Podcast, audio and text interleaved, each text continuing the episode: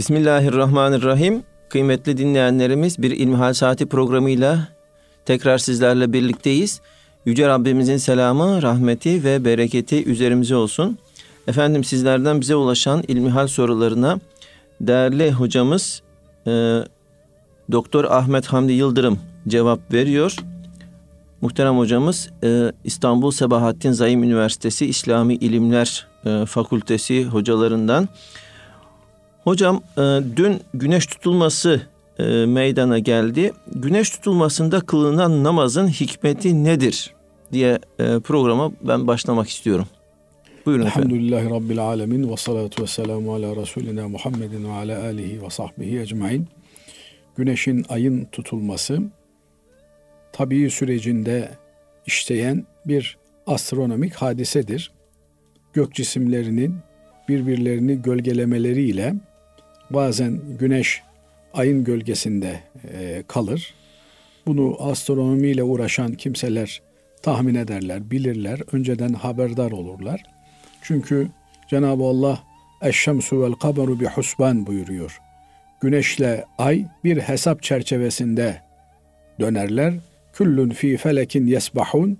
Her şey kainattaki her cisim bir yörüngede hareket eder buyuruyor. Binaenaleyh tesadüfe bağlı bir hadise olmadığı için bunlar hesapla kitapla önceden belirlenebilen, hesaplanabilen şeylerdir. Nitekim buna göre de astronomiyle meşgul olanlar işte dün itibariyle bir güneş tutulması olacağını haber verdiler. Böyle bir güneş tutulması cereyan etti. Ne oldu?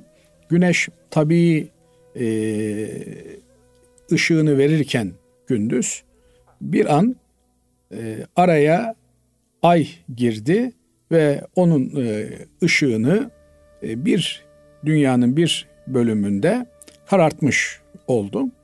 Tam bir e, güneş tutulması değildi bu. Kısmi bir güneş tutulması idi. Tam olduğu da olur. Bir anda gündüz geceye inkılap eder. Bunlar Cenab-ı Allah'ın büyüklüğünün, azametinin delillerindendir. Şöyle ki insanlar e, Cenab-ı Allah'ın dinine karşı bir itaatsizlikleri olsa da kevni ayetlere karşı Cenab-ı Allah'ın evrene, kainata koymuş olduğu nizama karşı bir inançsızlıkları bulunmaz.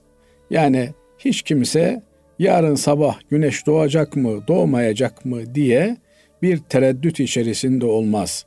Veya güneş doğmayacak diye bir inkar içerisinde olmaz. Herkes bilir ki yarın sabah güneş doğacak, akşam olduğunda da güneş batacak. Bunlar Cenab-ı Allah'ın kainata koymuş olduğu kevni e, sünnetlerdir, kevni e, yollardır. Binaenaleyh bunun e, bir adet halinde cereyan etmesi insanlarda bunun sıradan bir şey olduğunu, böyle geldiğini, böyle gideceğini, bunun değişmesinin mümkün olamayacağı yönünde bir kanaat ihdas eder.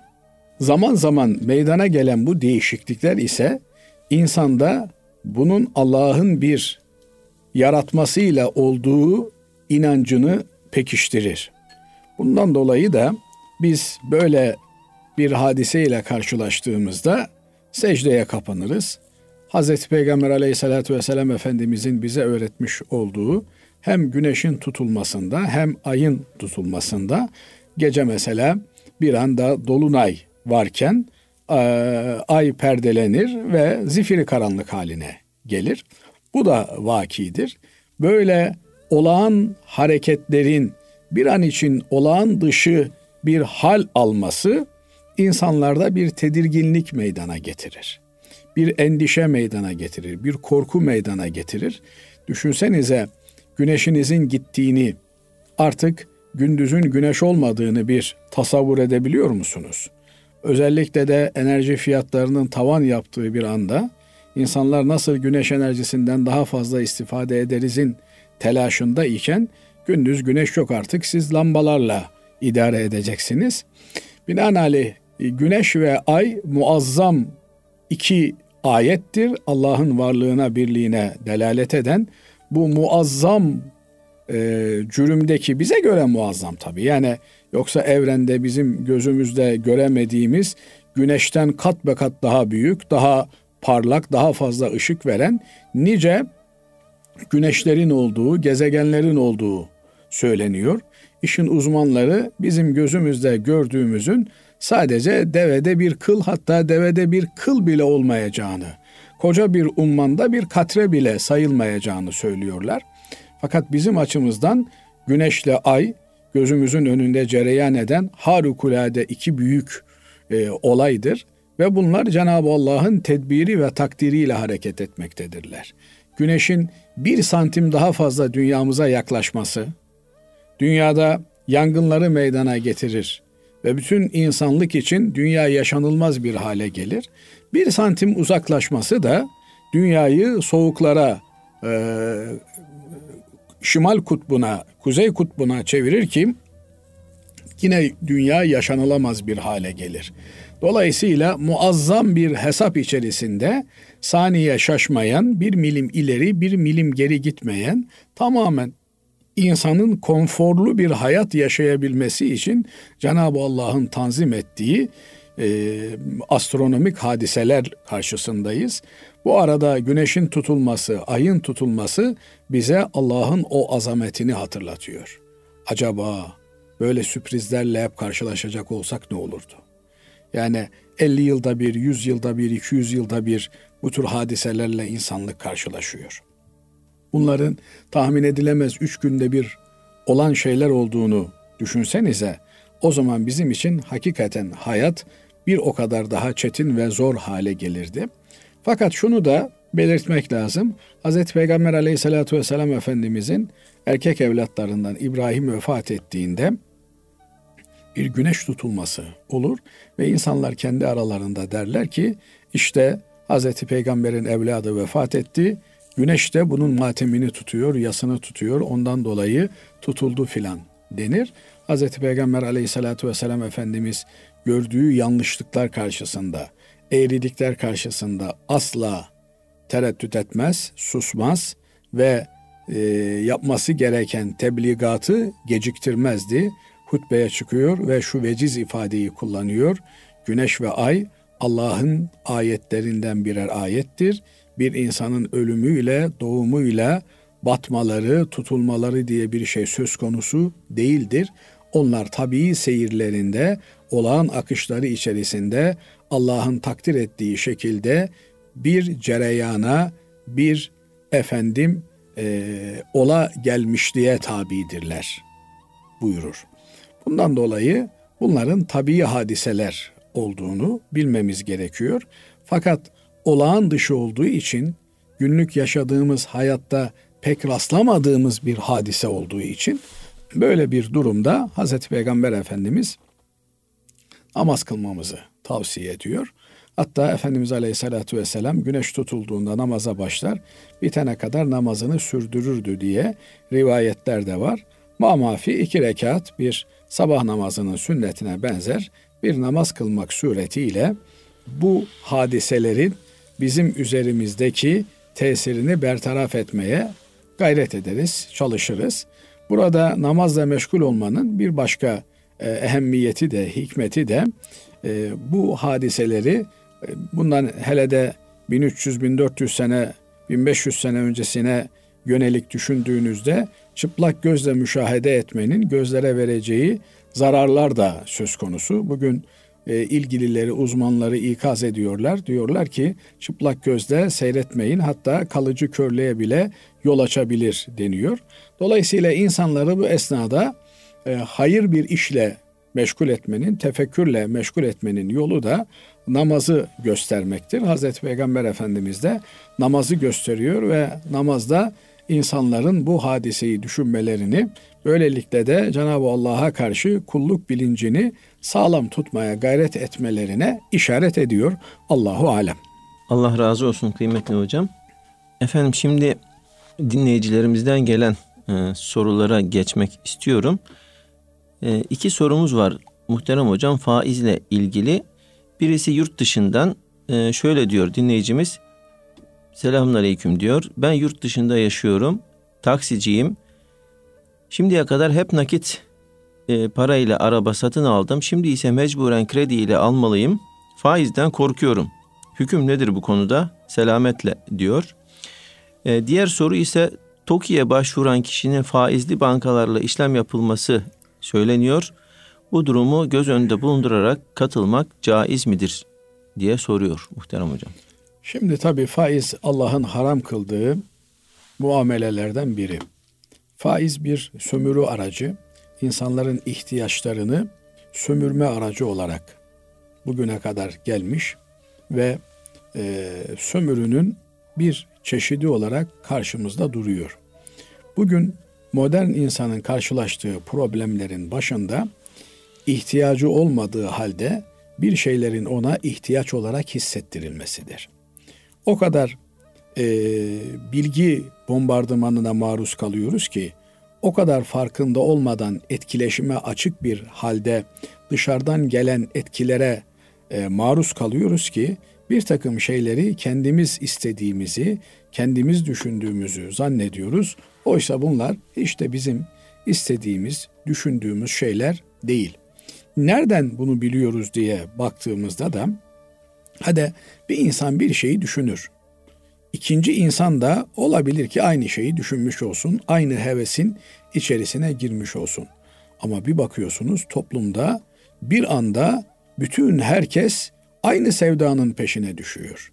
Herkes pembe giyinmenin telaşında, herkes siyah giyinmenin telaşında. Herkes bir tür kumaş kullanmanın telaşında. Buradan anlıyorsunuz ki insanların iradeleri üzerinde birileri oynuyorlar. Onların iradelerini kontrol altına almak için üretilen psikolojik materyalleri çok efektif bir şekilde kullanıyorlar ve insanlar nihayetinde efendim e, kendileri öyle giyinmek istediklerini düşünerek bir tarz modayla sokaklara çıkıyorlar. Aa bir bakıyorlar ki herkes aynı şekilde giyinmeye başlamış. Demek ki burada bizim irademiz üzerinde e, birilerinin bir baskısı oluşuyor.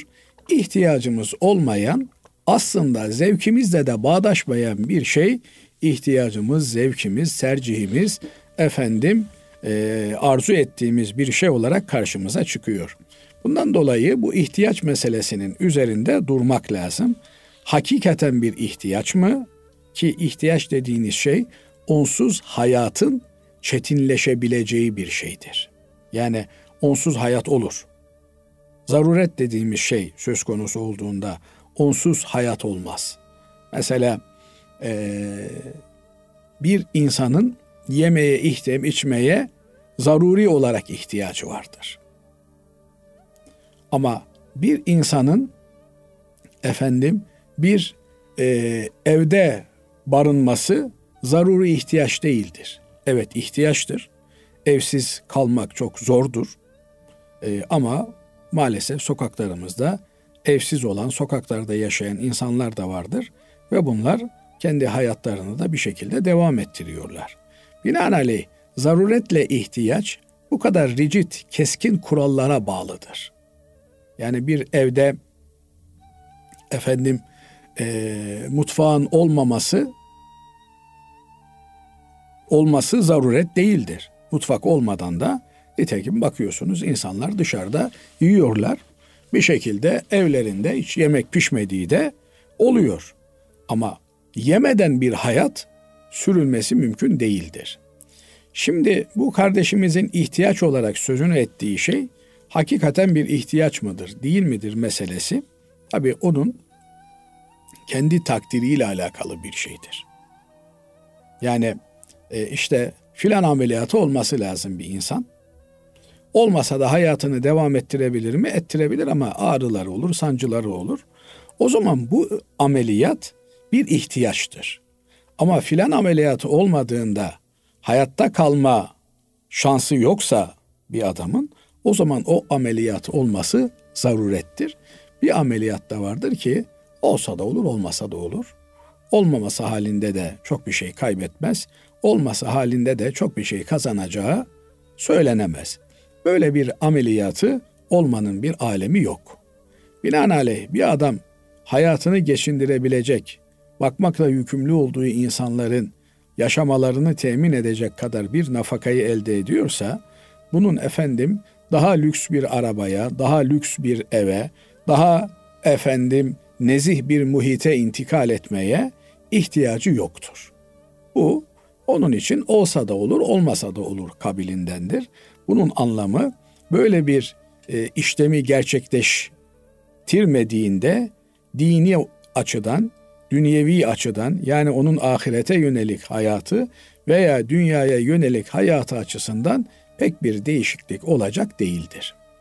Eğer böyle bir durumda ise yani bu kardeşimiz e, araba almadığında yine işine gücüne devam edebiliyor. Kendi işi değilse de birilerinin yanında aynı işi e, yapabiliyor. Bu işi yaparken de ibadetlerine bir halel gelmiyor ise bu kimsenin bu aracı alması bir ihtiyaç değildir.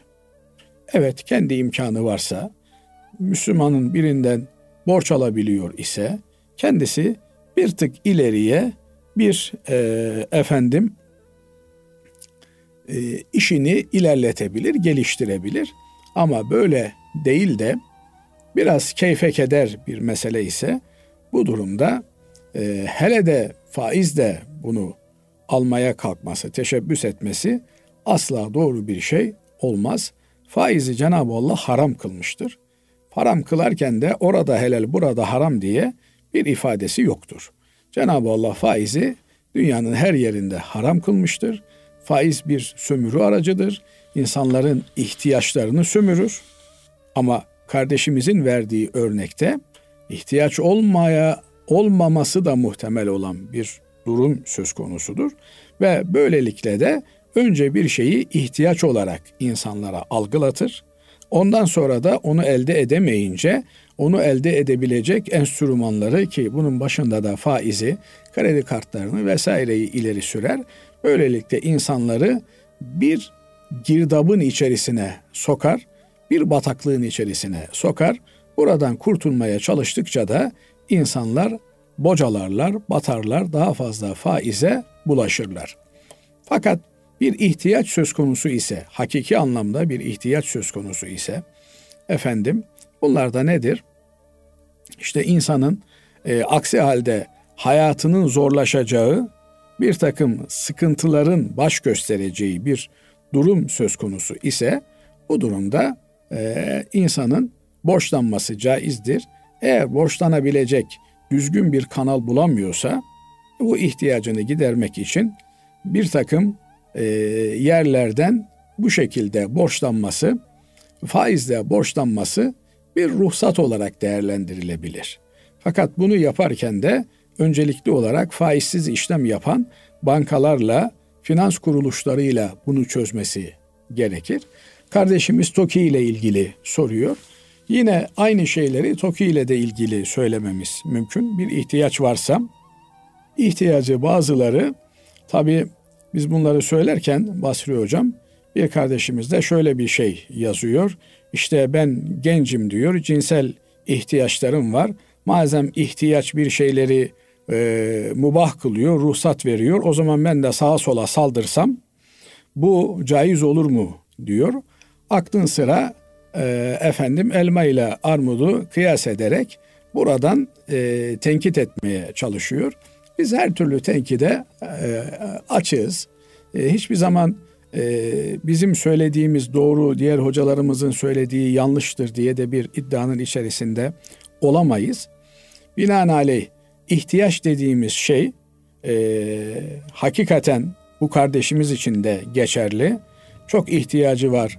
E, sağa sola saldırmaya başlamışsa o zaman e, kaşı üstünde gözü var diye bir şey bahane etmeyip e, bulduğu ehli namus biriyle evlenecek. İlla efendim e, kendi memleketinden biriyle evlenmeye kalkarsa tabi bunun e, mehriydi, şuydu, buyuydu bir sürü masrafı tantanası var. Ama e, şartlarını, standartlarını düşürdüğünde bir sürü sadece sıcak bir yuvaya kavuşayım diye evlenmek isteyen de bir sürü kimse vardır. Bunlardan biriyle evlenmeyi tercih edecek. İhtiyacı var diye ormana efendim savunmasız arslanların arasına kendini atmayacak. Binaenaleyh ihtiyaç meselesi başı boş olan bir kavram değildir. Yani ihtiyaç meselesi önemli bir meseledir. Kimse e, zor durumda, çaresiz durumda e, kalmamalıdır. Kaldığında çok olumsuz sonuçlar ortaya çıkabilir. Şimdi insanlar TOKİ tabii avantajlı bir ev kampanyası yapıyor. Efendim e, zaten şöyle dünya ölçeğinde bakıldığında da Basri Hocam en fazla dolandırılan milletlerden biri de memleketimizin insanı. Niye? Kısa yoldan zengin olmak, kolay yoldan parayı kazanmak diye bir arzu var herkeste. Şimdi görünen ölçekte TOKİ'nin yapmış olduğu da kısa yoldan zengin olmayı işte çok düşük ölçeklerde hatta devletin zararına çünkü sosyal bir e, politika burada güdülüyor. Devlet vatandaşını ev bark sahibi yapmaya gayret eder. Ona uygun politikalar üretir. Doğrudan ev yapması diye bir şey söz konusu değil ama ona uygun politikalar üretir. Devlet bu politikaları bizzat kendi üretemediği için de ev yaparak bu problemi çözmeye çalışacağını düşünüyor. O da bir efendim nihayetinde gayrettir. Bu gayretleri için de teşekkür etmek lazım. Ama evi olan, barkı olan, ihtiyacı olmayan birinin sırf burada ucuz ev veriliyor diye oraya müracaat etmesi ve bir ev sahibi olmayı düşünmesi doğru bir karar değildir. Binaenaleyh eve bir ihtiyacı olan görünür periyotta veya işte adam 30 senede 40 senedir kirada e, çoluk çocukla büyümüş artık yetişemiyor. Bir eve e, sahip olma ihtiyacı görünüyor. Bu gibi kimselerin TOKİ'den bir ev almaları, bunu alırken de mümkün mertebe kullanacakları finansı efendim faizsiz e, finans kuruluşlarından yapmaya veya devlet namına hizmet veren katılım bankaları faizsiz bankalar aracılığıyla yapmaya gayret etmeleri doğrudur. Eğer konvansiyonel e, kapitalist bankalara müracaat ederlerse onların sonunda nereye toslayacakları belli olmaz. Bu gibi durumlarda da ehvenişer dediğimiz daha az zararlı olanları tercih etmek gerekir. Allahu alem. Evet. Allah razı olsun kıymetli hocam. Değerli dinleyenlerimiz şimdi kısa bir ara veriyoruz. Aradan sonra inşallah kaldığımız yerden devam edeceğiz. Kıymetli dinleyenlerimiz İlmihal Saati programımıza kaldığımız yerden devam ediyoruz. Muhterem hocam dinleyicimiz şöyle bize yazmış. Merhabalar diyor. Rahmetli babamın ölüm yıl dönümü için hayrına ne yapabiliriz? Yetimlere bağış yapmak veya sizin önereceğiniz bir hayır var mıdır diye soruyor. Evet, e, Hazreti Peygamber aleyhissalatü vesselam Efendimiz insan öldüğünde diyor, in kata amelu, amel defteri kapanır. Artık defter dürülmüştür. Oraya iyi veya kötü bir şey yazılmaz. İlla min selasin diyor. Üç şeyden başka hiçbir şekilde amel defterine bir hayır yazılmaz. Bu üç şeyde sadakayı cariye başta geliyor. Yani e, sürekli gelir getiren bir akar yapmışsa. Yani e, köyün suyu yoktu, köye su getirdi. O sudan insanlar, hayvanlar, börtü böcek istifade ettiği sürece Allah rızası için yapmışsa tabii. Yani demesin de şöyle efendim Ahmet Ağa getirdi köyümüze su verdi işte üzerine de Ahmet Ağa'nın hayratıdır vesaire filan diye e, değil de Allah rızası için bir iş yapmışsa o iş devam ettiği sürece ona sevap olarak yazılır. Bir mescit inşa etmiş Allah rızası için. O mescitten insanlar istifade ettikleri sürece orada namaz kıldıkları, orada Kur'an okunduğu, efendim ibadet yapıldığı sürece bu kimseye sevap yazılmaya devam eder. Bir medrese açmıştır, bir mektep açmıştır. Orada Allah denildiği sürece efendim oraya sevap hanesine sevap yazılmaya devam eder. Ama aynı şekilde bir kötü müessese açmışsa efendim ef, e, bir birahane açmışsa insanlar da oradan e, Allah'a isyan eden olacak şeyler yaptıkları sürece ona günah olarak da bu yazılır. Bundan dolayı insanlar artlarında ne bıraktıklarına dikkat etmeleri gerekir. Mal mül bırak, mülk bırakmıştır, servet bırakmıştır.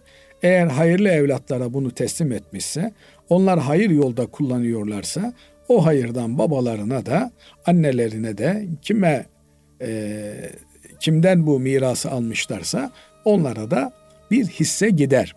Şimdi burada kardeşimiz seneyi devriyeden bahsediyor. Ölümle beraber insanın amel defteri kapandığına göre öldükten sonra ihtiyacı başlamış demektir. Ölene kadar kendi yaptıklarıyla ettikleriyle kendini idare ediyordu. Dolayısıyla bir kimsenin anne babasına, ölmüşlerine olan iyiliği seneden seneye yapılacak bir iş değildir.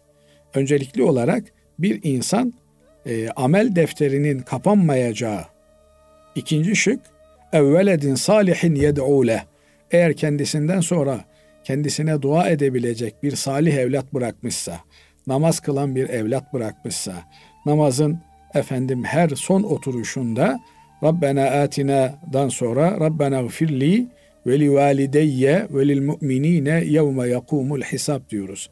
Ya Rabbi beni, annemi, babamı bağışla. Dolayısıyla bir insanın anne babasına hayrı ölümüyle beraber başlamalıdır. Ondan önce de elbette anne babası hayattayken onlara öf bile dememeli, gönüllerini kırmamalı, onların yararına olacak işler yapmalı. Ama vefat ettikten sonra artık eldeki imkanlar daralıyor. Ana babaya iyilik yapmanın yollarının başında salih bir evlat olmak geliyor. Anne babaya dua edilmesine yönelik yani iyi bir insan olursunuz, iyi bir iş yaparsınız. Allah anana babana rahmet etsin derler. Kötü bir evlat olursunuz, kötü işler yaparsanız ana avrat millet söver, sayar. Böylelikle de annenize babanıza rahmet yerine sövdürmüş olursunuz. Allah muhafaza eylesin. İnsan bu gibi hususlarda dikkatli olmalı. Neler yapılabilir? Öncelikle seneyi devriye diye bir hadisenin olmadığını söylemek isteriz. Bir evlat her an, her gün annesine, babasına, ölmüş olan yakınlarına iyilik yapmakla memurdur. Bunların başında söylediğimiz gibi salih evlat olmak gerekir. Sonra e, dualarda anneyi babayı unutmamak gerekir. Efendim Kur'an okuduğumuzda, e, namaz kıldığımızda annemize babamıza da yaptığımız bu ibadetlerden hisseler göndermek gerekir. Ya Rabbi namazımı kabul eyle, Ya Rabbi beni bağışla, anamı babamı bağışla, anamın babamın kabir hayatlarını kolay eyle diye dualar edilmesi gerekir. Ondan sonra elimizden geldiği kadar e, elimizdeki imkanları nasıl bir aylık aldığımızda onu taksim ediyoruz. Çoluk çocuğun ihtiyaçları için şu kadar, şunun için bu kadar, sağlık giderleri için bu kadar filan diye küçük bir cüz de olsa anamız babamız adına oradan bir hayır hasanat ayırmalıyız. Efendim bu ayki maaşımdan 50 lirayı da garibanlara anamın babamın e, hayrına, hasenatına veriyorum diye insan ayırmalı. Bir fırsat çıktığında, önüne bir hayır kapısı açıldığında zaman zaman annesi babası için müstakiller, zaman zaman da hepimizin, çoluğumun, çocuğumun, anamın, babamın da sadakası olsun diye elindeki bu hayır fırsatlarını değerlendirmeli. Eğer imkanı varsa onlar adına bir müessese, kalıcı bir sadakayı cariye inşa etmeye gayret etmeli. Bu arada önemli olan hususlardan bir tanesi de ana babaya iyiliğin bir parçası da anne babanın eşini, dostunu, akrabasını ziyaret etmek. Efendim babanın bir ortağı varmış zamanında. Ona gidersin işte Hamdi amca nasılsın, iyi misin? O rahmetlinin oğlu gelmiş der. Babana rahmete bir vesile olur. Binaenaleyh böyle rahmete vesile olabilecek olan ziyaretleri de yapmak lazım. Onların ihtiyaçlarını, efendim hatırlarını sormak lazım. Bu noktada da insanın muvaffak olduğu bir hayır olursa bu da ana babasına bir hayır olarak yazılır. Annenin bir ahretliği varmış, ihtiyarlamış, 80 yaşına gelmiş. Kapısını çalarsın. Efendim Ayşe teyze bir ihtiyacın var mı dersin.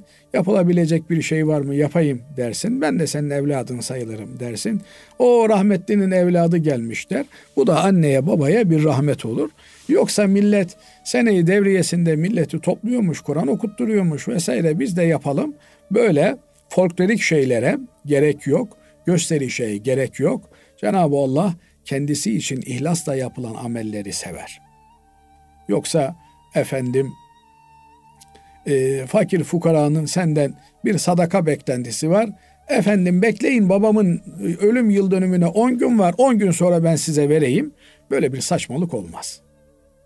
Yani ölü yıl dönümünü bekliyor da o günde anılmaktan bir şey kazanacağını düşünmüyor. İnsanlar da böyle bir saçmalığın içerisine girmemeliler. Evet, insanlar annelerinin, babalarının ölümlerini, ölüm yıl dönümlerinde hatırlarlar. O gün bir vesile olur, bir Fatiha okurlar, sevabını annelerine, babalarına gönderirler. Bununla ilgili söyleyeceğimiz bir şey yok. Ama iki gün önce değil, iki gün sonra değil, illa o gün toplayalım on tane hafıza, bir Kur'an hatmi yapalım, işte Kur'an okuyalım.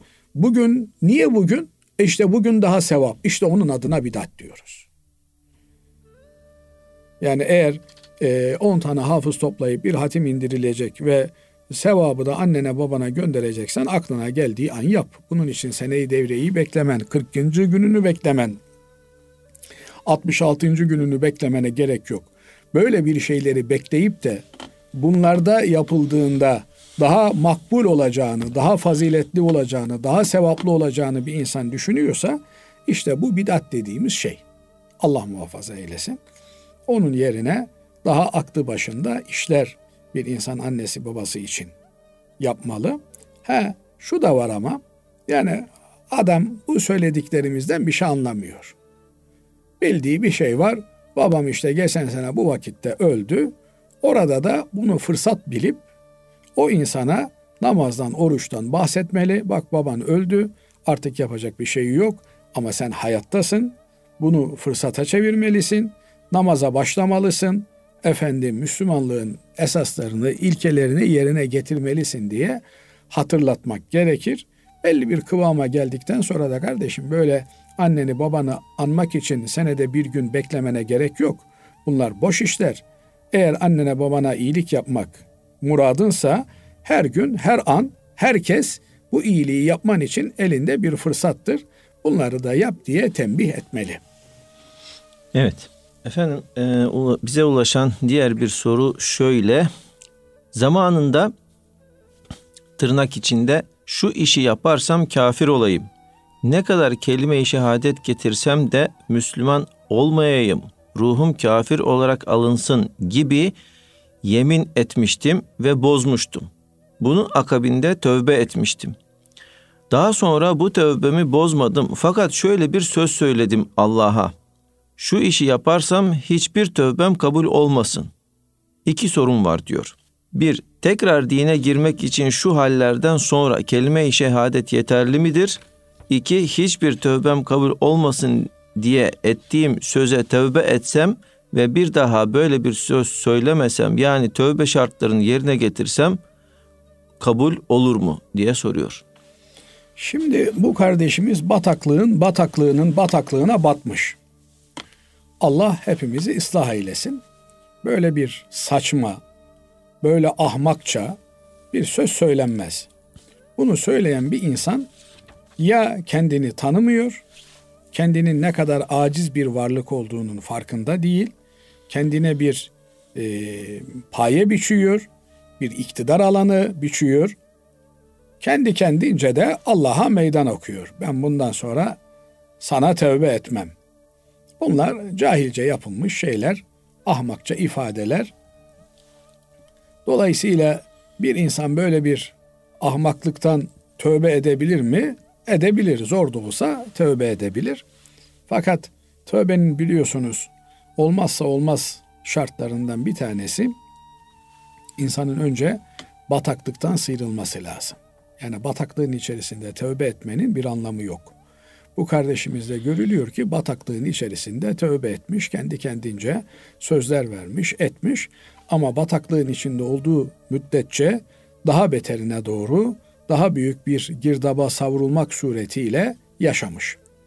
Bunun için önce e, bulunduğu muhiti değiştirmeli, insan çevresini değiştirmeli ve kendisini Allah'a yakınlaştırabilecek bir çevreye doğru adım atmalı. Ki ondan sonra yapacağı tövbelerin, yapacağı efendim pişmanlıkların bir fayda vermesi söz konusu olabilir.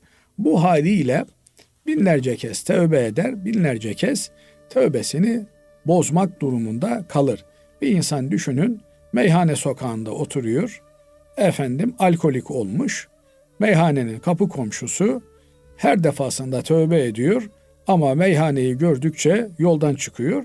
Bu kimsenin yapacağı ilk iş o sokaktan taşınmak, meyhaneden meyhaneye komşu olmaktan kurtulmak, bir camiye, bir efendim ibadethanenin gölgesine sığınmak. Her gün camiyi gören bir kimse o camide cemaate, namaza başlamak zorunda kendini hisseder. Eğer nasipsiz değilse. Ama bir insan nasipsizse, kalbi mühürlenmişse ona yapacak bir şey yok Basri Hocam. Dolayısıyla bu kardeşimiz her ne olursa olsun Allah kendisine tevbe etmeyi nasip etmişse tevbe eder ve bu günahlardan da kurtulur. Şu kadar var ki bunu tek başına yapamayacağı anlaşılıyor. Nasıl insanlar efendim terapiye ihtiyaç duyduklarında, tedaviye, mualeceye ihtiyaç duyduklarında bir uzmanına başvuruyorlar. Ben mesela biraz kilo fazlalığım var. Bana göre biraz, bazılarına göre daha fazla olabilir tabii. Her gün perhiz yapmaya niyet ediyorum ama tek başıma olmuyor. Ne zaman bir uzmanın yardımına müracaat etsem o zaman hakikaten gözle görülebilir şekilde e, zayıflama söz konusu oluyor. Dolayısıyla aklın yolu bir. Bu kardeşimizin de bir tevbe terapisi alması lazım. Bir pişmanlık terapisi alması lazım.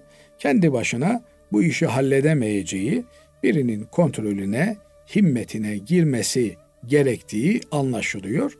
Arayacak, tarayacak, kendi fıtratına, tıniyetine uygun birini bulacak ve onunla beraber Müslümanca bir hayat yaşamanın yollarına bakacak. Buna bugün e, koçluk diyorlar. Yani kendine bir hayat koçu bulacak. İslami anlamda hayatını bir çizgiye getirebilecek, kendisiyle ilgilenebilecek, alaka kurabilecek bir hayat koçunun koştuğunda tövbe etmeye gayret edecek. Bazı insanlar hakikaten iradelerine hakim oluyorlar. Ben bıraktım diyor adam sigarayı bırakıyor bir daha tövbe billah ona el sürmüyor. Bazıları da her pazartesi bırakıyor öğleden sonra devam ediyor. Dolayısıyla bunların da bir takım e, terapilerle tedavi almaya ihtiyaçları oluyor. Burada da eğer bir kimse tövbesini tutamıyor, efendim e, gördüğü halde, kötülüğünü, çirkinliğini gördüğü halde bir takım günahlardan kendini geri çekemiyorsa, bir takım kimselerin yardımına müracaat etmeli. Allah hepimize yardım etsin. Amin. Allah razı olsun hocam. Efendim e, bugünlük son sorumuz da şöyle.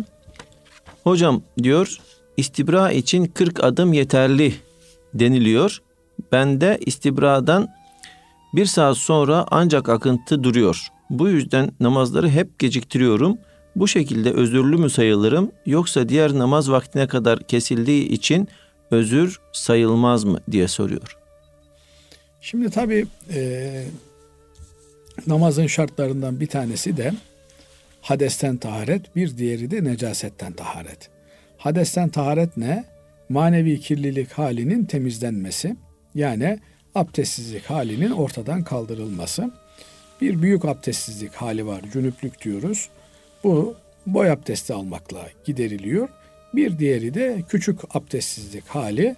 Onu da abdest almakla elimizi, yüzümüzü, ayağımızı yıkamak, başımızı mesetmekle kısaca e, çözümlemiş oluyoruz. Bunlar abdest dediğimiz namazın şartlarından e, biri abdestsiz namaz olmuyor. Abdesti bozan şeylerden bir tanesi de idrar. Kişinin e, idrar yapması abdestini bozar. Binaenaleyh idrarın sonlanmış olması lazım ki ondan sonra abdest alsın. Abdest aldıktan sonra bir damla bile idrar gelse abdesti bozulmuş olur. İkinci bir mesele de bu idrar çamaşırına e, değerse efendim bir iki damla belki e, affedilebilecek bir miktardır ama daha fazlası problem teşkil eder. Dolayısıyla bu kardeşimizin öncelikli olarak bu olayın bir hastalık olup olmadığını uzmanlarına danışarak çözüme kavuşturması lazım. İkinci bir mesele eğer e, fizyolojik olarak bir problem yoksa psikolojik olarak bir vesvese söz konusu olabilir mi? Bazı insanlarda böyle oluyor. Bir vesvese söz konusu oluyor. Acaba oldu mu olmadı mı vesaire filan onların günlük hayatlarını ciddi anlamda etkiliyor. Habire kontrol etme ihtiyacını hissediyor. Eğer e, bir bevliyeciye gitti, uroloj, uroloğa gitti ve e, bir problem olmadığı tespit edilmişse, her şeyin sağlam olduğu tespit edilmişse o zaman normal bir insanda efendim e, idrarı yaptıktan sonra 5-10 saniye içerisinde musluk kapanır, kesilir. Ama hadi diyelim ki yaşlılıktı vesaire sebeplerden dolayıydı. 40 adım attı, 60 adım attı bu olay bitmiş olması lazım gelir. Eğer hala var mı yok mu diye bir insan tereddüt ediyorsa burada vesvese başlamış demektir. Bu vesvese çok e, ciddi sonuçlar doğurabilecek bir psikolojik takıntıdır, hastalıktır. Bundan dolayı da tedavi edilmesi gerekir. Tedaviye yardımcı olacak şeylerden bir tanesini fıkıh kitaplarımız şöyle izah eder. Ee, insan eğer böyle bir vesveseye müptela olmuşsa çamaşırına bir miktar temiz su e, eliyle serpiştirir. Öyle bir akıntı şüphesi geldiğinde ya ıslattık ya çamaşırı diye kendi kendine telkin vermek suretiyle bu vesveseden kurtulmaya bakar.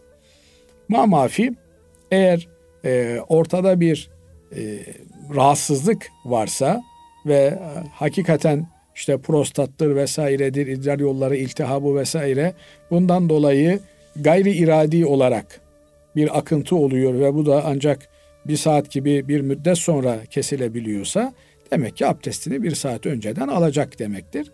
Bir kimse özür sahibi nasıl olur? Biliyorsunuz özür sahibi diye bir kavramımız var. Bu kimselere abdest meselesinde bir kolaylık var.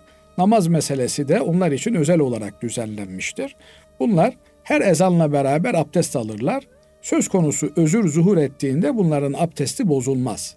Mesela bir kimse idrar kaçırıyor olabilir. Böyle hastalıklar da var. Gayri iradi olarak yani Cenab-ı Allah'ın mucizelerinden bir tanesi de efendim e, abdest bozuyoruz ondan sonra kestik diyoruz ve musluk kapanıyor. Ama bazen kaçak olabiliyor. Bazen de kaçak artık düzeltilemez boyutta olabiliyor. 10 dakikada bir, 5 dakikada bir bir sızıntı gelebiliyor. Öyle bir durum söz konusu olursa e, bu kimseye biz özür sahibi diyoruz. Nasıl tespit ediliyor özür sahibi olması bir insanın? Bir namaz vakti ki en kısa namaz vakti akşamla yatsı arasındadır. Bir saat 15 dakikadır diyelim. Bir saat 15 dakikalık süre içerisinde 10 dakika kesilmiyorsa yani 10 dakikada bir, 9 dakikada bir geliyorsa bu kimseye özür sahibi diyoruz. Ve bu kimse özür sahibi e, sıfatını aldıktan sonra her vakitte bir defa görülmesi bunun devamı için yeterli görülüyor. Ondan sonra ezanla beraber abdestini alır. Diğer namaza kadar istediği kadar namaz kılar. Diğer ezanla beraber abdesti yeniden tazelemesi, yeniden alması gerekir. Ama iyileşme hali zuhur etmiş bir namaz boyu, bir namaz vakti süresince hiç o özür gelmemişse artık bu hal sollanmış demektir. Binaenaleyh eğer bu e, soran kardeşimizin dediği gibi e, bir namaz kılabilecek 20 dakika 30 dakika kadar e, özürsüz bir süre oluyorsa bu kardeşimiz özürlü olarak tescillenmez. Ama bu kadar bir müddet bile fırsat bulamıyorsa o zaman özürlü olarak tescillenir ve idrar akıntısı onun abdestini bozmaz. Her ezanla beraber abdesti bozulur. Tekrar abdest alması gerekir. Böylelikle namazlarını tamamlar, ibadetine devam eder. Cenab-ı Allah hepimize kolaylıklar ihsan eylesin. Allah razı olsun kıymetli hocam. Teşekkür ederiz. Değerli dinleyenlerimiz bugünkü İlmihal Saati programımız böylece sonuna ermiş bulunuyor. Efendim hepinizi Allah'a emanet ediyoruz. Hoşçakalın.